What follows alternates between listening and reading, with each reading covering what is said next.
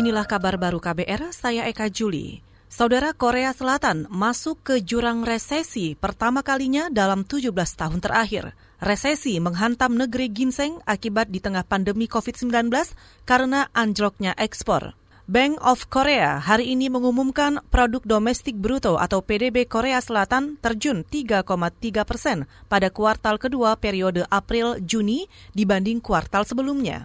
Dilansir CNN, penurunan pertumbuhan ekonomi per kuartal ini bahkan menjadi yang terburuk setelah resesi 1998 silam.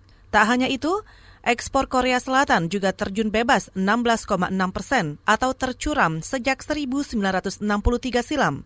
Sementara impor terjungkal sebesar 7,4 persen. Menteri Keuangan Hong Nam-ki mengatakan Penutupan ekonomi global yang belum pernah terjadi sebelumnya melumpuhkan jalur produksi luar negeri ke Vietnam dan India. Saudara Komisi Perlindungan Anak Indonesia mencatat selama enam bulan pertama tahun ini, laporan terkait pelanggaran hak anak mencapai tiga ribuan kasus.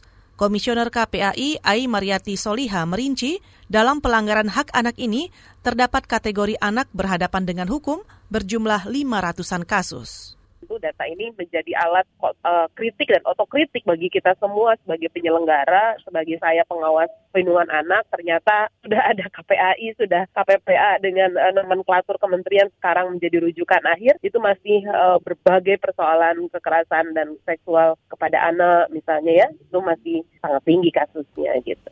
Komisioner KPAI Ai Mariati Soliha mengatakan, KPAI mendorong agar pola koordinasi semua pihak ditingkatkan.